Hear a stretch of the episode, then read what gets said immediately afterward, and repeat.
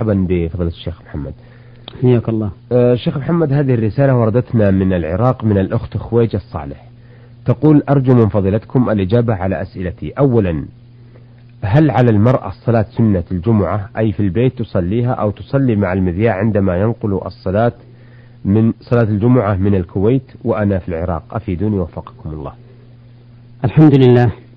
يبدو أن قول المرأة أن قول السائلة هل على المرأة سنة الجمعة أنها تريد صلاة الجمعة. نعم كما يدل عليه آخر سؤالها. وجوابنا على ذلك أن نقول صلاة الجمعة إنما تشرع في حق الرجال فقط ولا تشرع في حق المرأة إلا تبعا للإمام. لو حضرت الصلاة مع الناس أي صلاة الجمعة مع الناس فإنه يجوز أن تصلي الجمعة تبعا لهم. أما في بيتها فإن الواجب عليها أن تصلي صلاة الظهر. وهكذا من كان يصلي في بيته من الرجال لعذر كالمريض فإنه يجب عليه أن يصلي صلاة الظهر. أما الصلاة خلف المذياع فإنها لا تجوز. وذلك لأن من شرط صلاة الجمعة أن تكون في جماعة. والذي يصلي خلف المذياع ليس في جماعة أي ليس متصلا بالجماعة الذين يصلون. فبينه وبينهم مسافات كبيرة كثيرة. ولا يمكن أن يقال إن هؤلاء الذين يصلون خلف المذياع إنهم من جماعة المسجد الذي يأتمون بإمامه, بإمامه في المذياع نعم.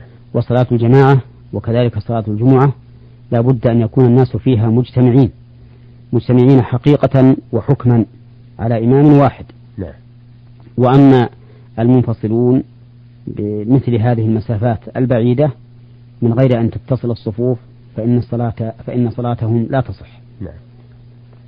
وعلى هذا فلا يجوز للمرأة ولا لغير المرأة أن تصلي صلاة الجمعة ولا غير صلاة الجمعة خلف المذياع. هذا مع أنه يحتمل انقطاع التيار وحينئذ يبقى الإنسان في حيرة وإن كان هذا في الحقيقة ليس بمانع لأنه لو انقطع صوت الإمام وأنت في المسجد ولم ولم يمكنك متابعته فإنك تصلي ما بقي من صلاتك منفردا نعم. نعم. آه طيب أيهما أفضل صلاة المرأة آه الجمعة مع الإمام أو في منزلها؟ الأفضل أن تصلي في منزلها صلاة, صلاة الظهر. نعم. ولا تصلي مع الإمام لأن بيت المرأة خير لها من حضور الجماعة. نعم. إلا في صلاة واحدة وهي صلاة العيد. فإن النبي صلى الله عليه وسلم أمر النساء أن يخرجن إليها حتى الحيض وذوات الخدور إلا أن الحيض يعتزلن المصلى ويجب عليها إذا خرجت أن تخرج غير متبرجة ولا متطيبة. نعم, نعم. آه أيضا الأخت خويجة من العراق تقول هل يجوز قراءة كتاب تعطير الأنام للنابلسي وهو في تفسير الأحلام؟ تفسير الأحلام سواء كان بتعطير الأنام كما ذكرت وإن كنت لم أرى هذا الكتاب أم بغيره. لا ينبغي للإنسان أن يتعب نفسه فيها.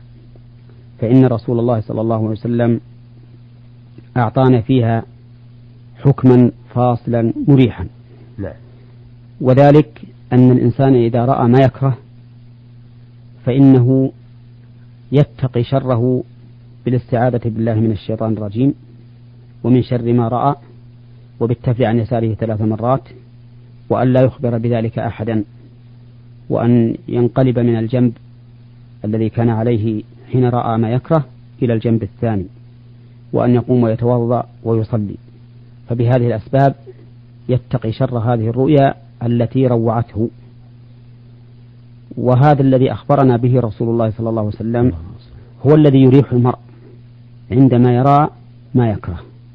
أما إذا رأى ما يحب واستبشر بها خيرا فإنه لا بأس أن يخبر بها من يحب أيضا ولا يحدث بها من لا يحب لأنه إذا حدث بها من لا يحب فقد يكيدون له كيدا.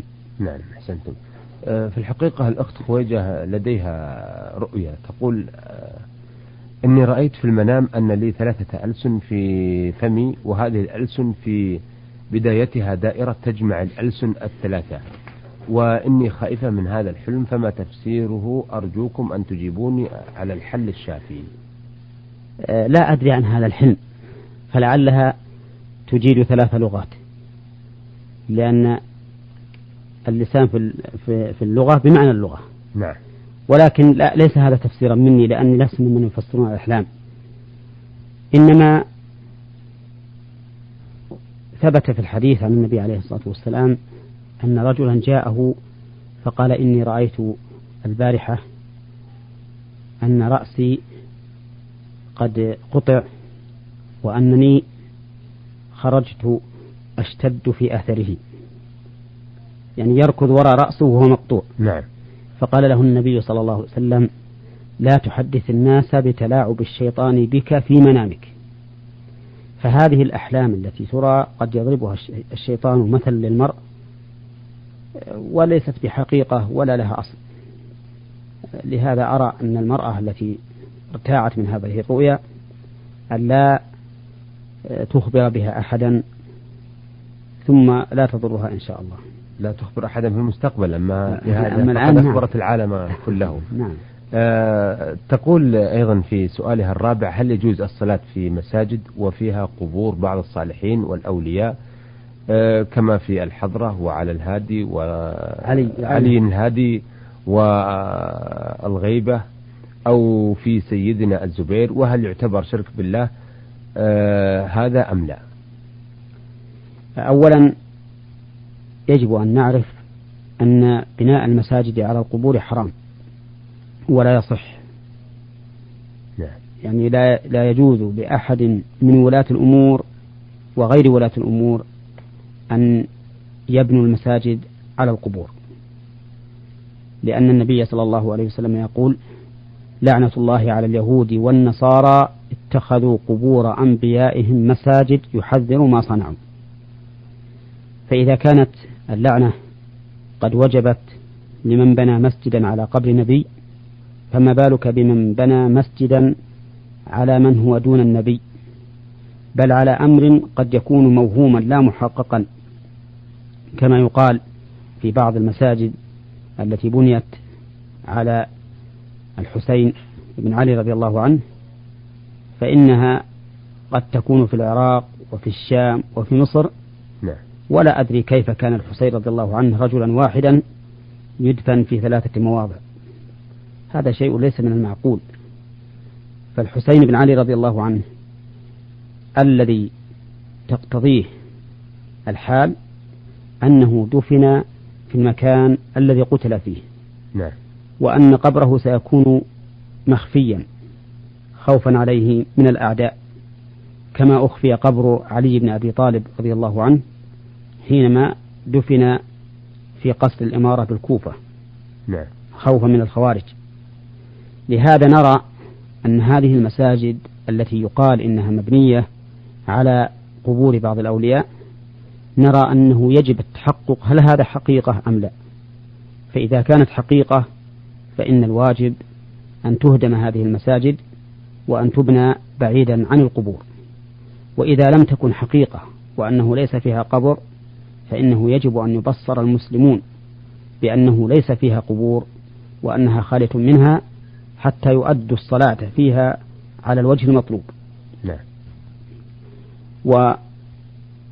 وأما اعتقاد بعض العامة أنهم إذا صلوا إلى جانب قبر ولي أو نبي أن ذلك يكون سببا لقبول صلاتهم وكثرة ثوابها فإن هذا وهم خاطئ.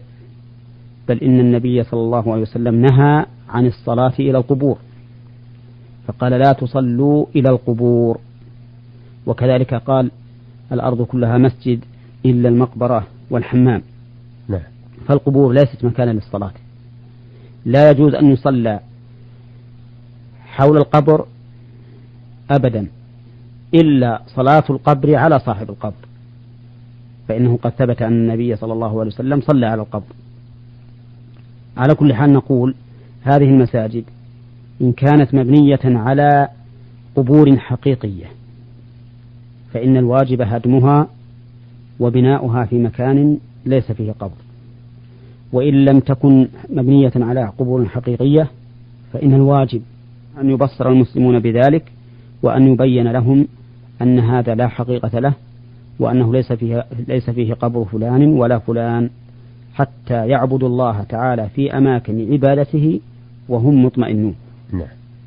أما الصلاة في هذه المساجد فإن كان الإنسان يعتقد أنها وهم وأنه لا حقيقة لكون القبر فيها فالصلاة فيها صحيحة. وإن كان يعتقد أن فيها قبرا فإن كان القبر في قبلته فقد صلى إلى القبر والصلاة إلى القبر لا تصح للنهي عنها. وإن كان القبر خلفه أو يمينه أو شماله فهذا محل نظر. نعم. أحسنتم. أه سؤال الخويجة صالح من العراق الأخير. تقول قسم من الناس عندما يدعون الله يقولون ربنا بجاههم عندك أي جاه الأولياء والصالحين. هل يعتبر واسطة هذا الدعاء بين العبد وربه؟ والسلام عليكم ورحمة الله وبركاته. ينبغي أن نعرف أن الوسيلة إنما تتخذ وسيلة إذا كانت وسيلة حقيقية سواء ثبت كونها حقيقية بالشرع أو بالواقع نعم. أما اتخاذ وسيلة لم يثبت أنها وسيلة في الشرع ولا في الواقع فإن هذا من اللغو بل نوع من الشرك.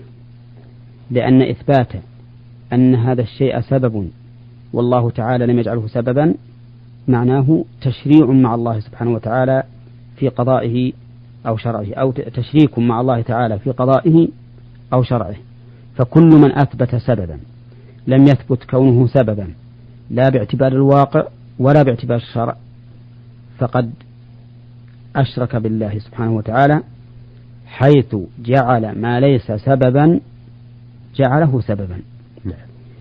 ننظر الوسيلة أو التوسل إلى الله تعالى بجاه الأولياء والأنبياء والصالحين. هل جاء في الشرع أنها وسيلة؟ الجواب لا. ونحن نقول لكل من يسمع إذا كان لديه دليل من الشرع من النبي عليه الصلاة والسلام أو من الصحابة أو التابعين لهم بإحسان على أن التوسل بالجاه مشروع فليأتي به على هذا العنوان نور على الدرب في إذاعة المملكة العربية السعودية ونحن نعاهد الله سبحانه وتعالى ونسأله العون على أنه متى جاءنا دليل شرعي ثابت فإننا سنتبعه لأن ذلك هو الفرض علينا نعم.